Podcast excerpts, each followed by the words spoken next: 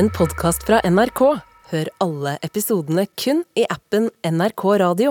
Aldri har en regjering falt så hardt og så raskt i popularitet som regjeringen vi har nå. Det var konklusjonen til valgforsker Johannes Berg allerede i februar, og siden da har oppslutningen falt enda mer. I dagens Politisk kvarter får vi høre statsminister Jonas Gahr Støre selv beskrive kriseåret 2022, og svare på hva han vil gjøre annerledes framover for å snu trenden. Men noen nye julegaver til strømkundene, det hadde han ikke med seg.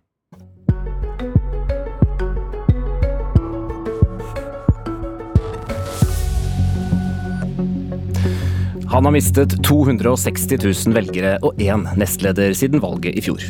Oppslutningen om Arbeiderpartiet er lavere enn pumpeprisen på bensin, og det er blitt vanlige folks tur til å slite med regningene.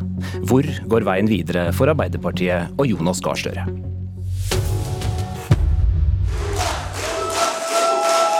Tusen takk, kjære, kjære alle sammen. Kjære alle sammen. Vi har ventet, vi har håpet og jobbet så hardt. Og nå kan vi endelig si vi klarte det. Statsminister Jonas Gahr Støre, velkommen til Politisk kvarter. Dette var utdrag fra talen din på valgnatta i fjor, og siden den gang så har den samlede oppslutningen om Arbeiderpartiet og Senterpartiet nær blitt eh, halvert. Hvordan syns du selv det går? Nei, Det går jo ikke bra. De tallene er jo nedslående, vil jeg si.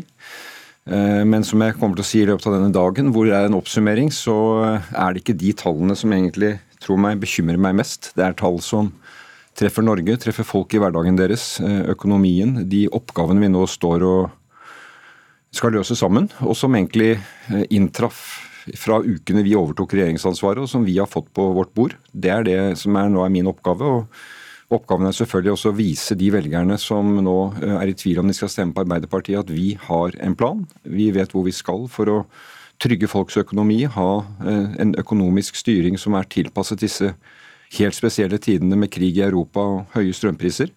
Eh, og da har jeg, tro meg, eh, tro på at vi skal kunne få velgere tilbake.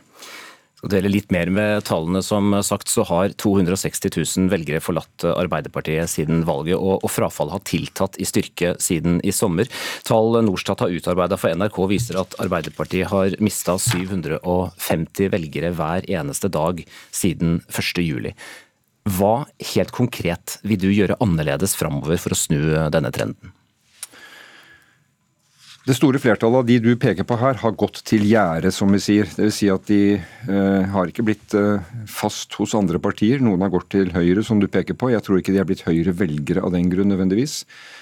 Men vi er i en situasjon hvor de vil se at det vi gjør for å få kontroll med prisene i Norge, det vi gjør for å kunne få støtte til folk så de kan håndtere strømpriser i en tid med som sagt energimangel og krig i Europa, det vi gjør for å beholde de jobbene vi har klart å skape, over 100 000 nye jobber dette året, at det virker. Og det jeg vet, og det jeg har jobbet med de beste folkene jeg kan ha når jeg lytter i hele landet, både i regjeringsapparatet og på reiser rundt om i landet, det er at det finnes ingen quick fix på dette. Noe vi kan gjøre fra en måned til en annen. Eh, under koronaen kunne vi si at nå er vi inne eh, separert fra hverandre i eh, en tid, så går smitten ned. Dette er store forhold som det tar tid. Så hvordan skal jeg få disse tilbake? Jo, jeg skal vise at eh, politikken virker eh, over tid. Hvis vi har både tålmodighet og solidaritet med hverandre til å stå sammen i det. Allerede nå ser vi tegn til at eh, denne renteøkningen den ser vi tegn til kommer til å flate ut. Prisstigningen som treffer alle land. I går var jeg i Latvia der er inflasjonen 21 eh, Norge kan komme til å få kontroll på dette tidligere. Så jeg har tro på at det skal lykkes, og det er den veien vi kan få tillit tilbake. Du skal som du var inne på, oppsummere det politiske halvåret for eh, pressen på denne tradisjonelle pressekonferansen før jul litt eh, senere i dag. Vil du der komme med et budskap til folk om at det er aktuelt for dere å forbedre strømstøtteordninga allerede i vinter?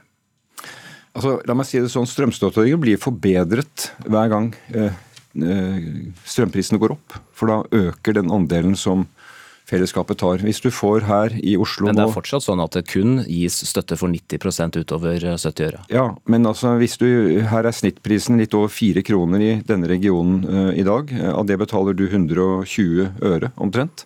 Resten tar fellesskapet. Det er den mest omfattende strømstøtteordningen uh, vi har. Og Det mener jeg er en ordning vi skal stå fast ved. Det er en stor bevilgning på statsbudsjettet.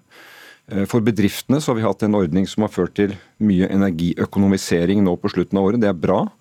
Men nå satser vi jo for fullt for at disse fastprisavtalene som kan gi bedriftene fast pris, enten de går inn på tre, fem eller sju år, Eh, at det kan gi dem en sikkerhet når, når prisene er uh, høye. Vi skal følge med på disse prisene hele tiden. Jeg vil ikke utelukke noen ting, men jeg mener det opplegget vi nå har for å sikre husholdningene, ekstra støtte til de som er i en vanskelig situasjon med bostøtte, uh, støtte til pensjonister, til studenter, Eh, det skal vi eh, opprettholde, og så skal vi følge den utviklingen. Arbeiderpartiet har satt ned et eget energiutvalg, og det ledes av ordfører i Stavanger Kari Nessa Nordtun. Hun har i et intervju med VG før helga sagt at strømstøtteordningen bør forbedres.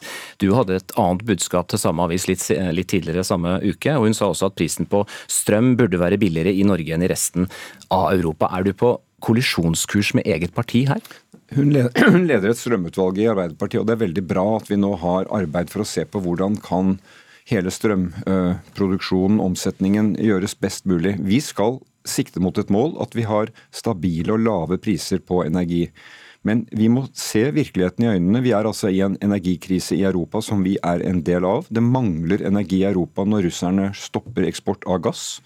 Eh, Norge har et eh, væravhengig eh, strømsystem, som betyr at vi må ha en utveksling med andre land når vi har dårlig tilgang på uh, i vannmagasinene våre. Valgene våre er jo enten å si at vi skal klare oss helt selv, da må vi bygge ut massivt i naturen for å ha reserver for et tørrår.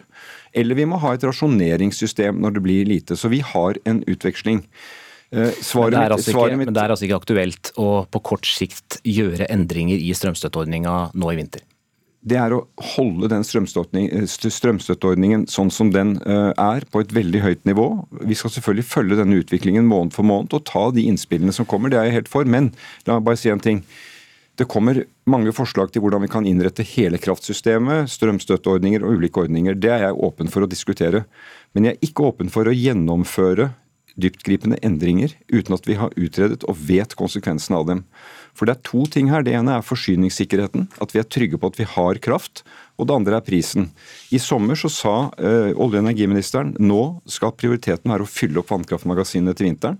Da skal det ikke produseres kraft uh, for eksport. Det har kraftselskapene fulgt. Vi har fulle, magasiner klar for denne vinteren.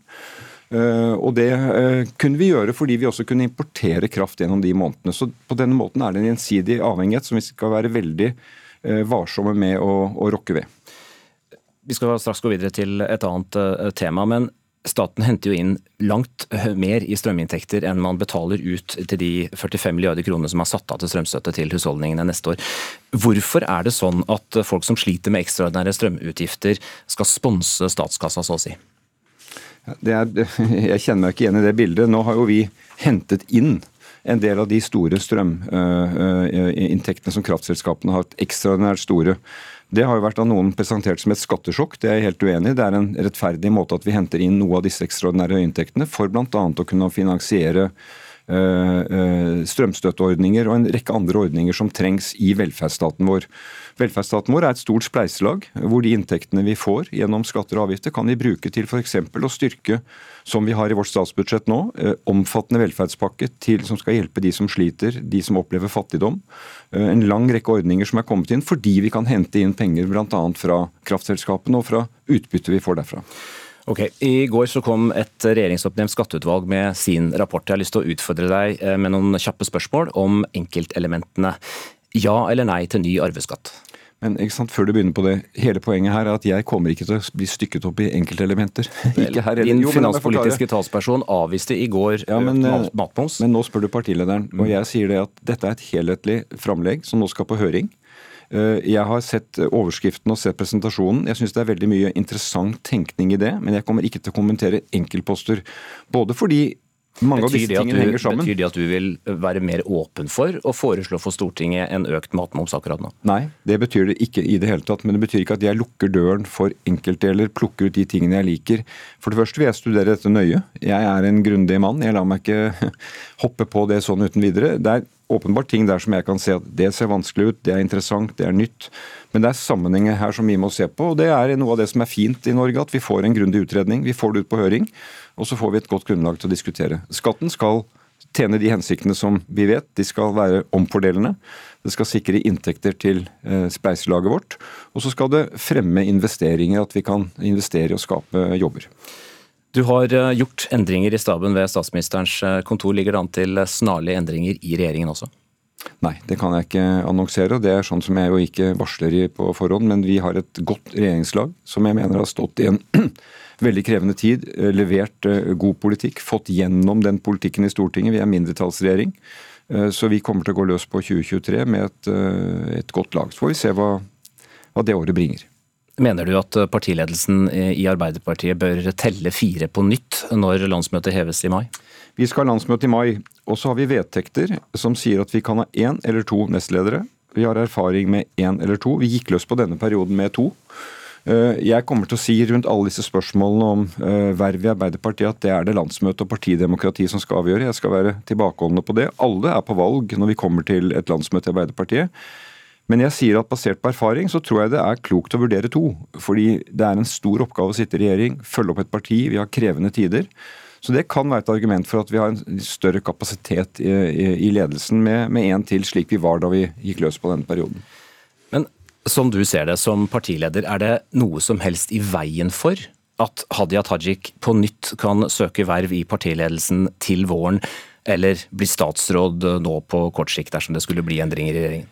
Da skal jeg si det samme som jeg sa i sted. Jeg kommer jo ikke til å gå inn på enkeltpersoner. Jeg skal si to ting til dette. For det første, du har spurt om eh, Hadia. Jeg sa da Hadia gikk av at hun er en veldig dyktig politiker, og jeg tror vi kommer til å høre mer fra henne i ledende verv i, i, i Norge framover. Det står jeg ved. Så, så, så pendlerboligsaken den gjør henne ikke uaktuell for slike verv nå? Nei, Jeg opplever at det er et utsagn fra meg som fortsatt står. Men så vil jeg si det at som partileder så ser jeg jo at det ofte spekuleres på hvem, hvem andre er det i Arbeiderpartiet, hvem står liksom i neste rekke.